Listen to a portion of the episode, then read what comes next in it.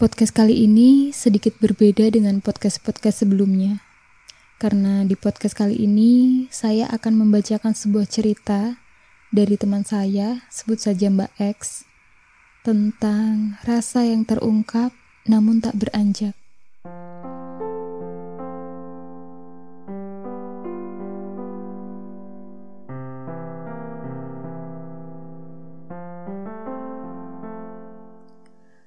Aku mengenalnya ketika seorang kakak kelas memanggil namanya di acara ospek sekolah tujuh tahun silam. Laki-laki yang namanya tak asing di telingaku. Nama yang selalu disebut-sebut oleh temanku. Siapa sangka, akhirnya aku bertemu dengannya dan bahkan menjadi teman sekelasnya. Tidak sepertiku yang pendiam, dia begitu aktif dan ceria juga sedikit menyebalkan. Tapi katanya, seseorang yang menyebalkan justru menyita ruang lebih banyak di hati. Hari demi hari berlalu dan kami mulai akrab. Dia sering melihatku secara tiba-tiba dan kemudian tersenyum padaku. Hal tersebut tentunya sukses besar membuatku salah paham.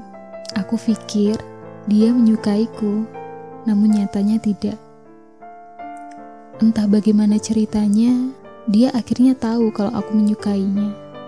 Sejak itu, dia mulai menjauhiku dan hubungan kami tidak pernah baik setelahnya.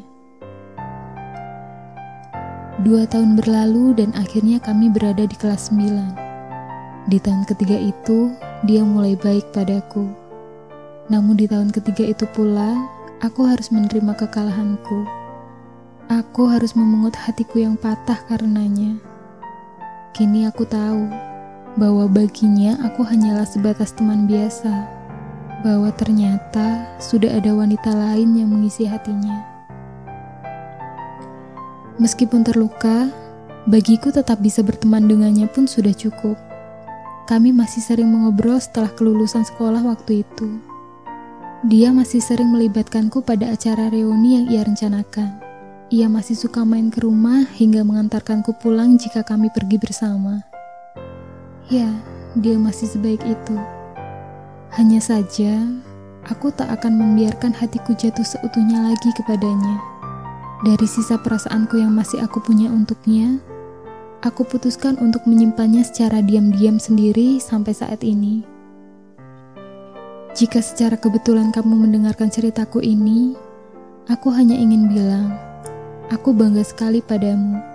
Sebagai abdi negara, tentulah tugas yang kau emban tidak mudah saat ini. Namun melihatmu yang sekarang, aku percaya bahwa kau adalah seseorang yang luar biasa. Kau mampu membuktikan apa yang kau inginkan sedari dulu.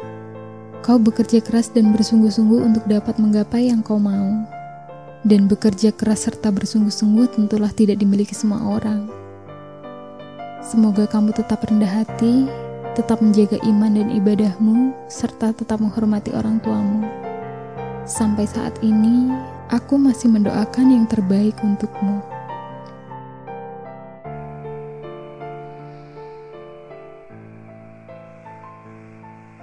Oke, ini definisi cinta tanpa pamrih yang sesungguhnya ya, selain cinta orang tua ke anaknya tetap mencintai laki-laki yang tak pernah mencintainya dalam waktu tujuh tahun itu menurutku gak gampang.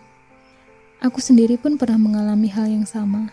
Cinta diam-diam selama tiga tahun, dan itu cukup sulit buat aku. Aku gak bisa bayangin gimana rasanya memendam perasaan selama itu. Karena tujuh tahun itu bukan waktu yang sebentar. Apalagi sampai sekarang mereka masih suka bertemu. Cuma aku percaya, suatu hari, manusia yang hatinya patah akan disembuhkan oleh Tuhan dengan mendatangkan orang yang tepat untuknya. Semoga waktu tersebut segera datang ke kita semua yang saat ini hatinya sedang patah, sehingga nanti yang tersisa setelahnya hanyalah kebahagiaan. Dan terima kasih sudah mendengarkan podcast kali ini. Semoga hari kalian bahagia dan selalu menyenangkan. Selamat malam.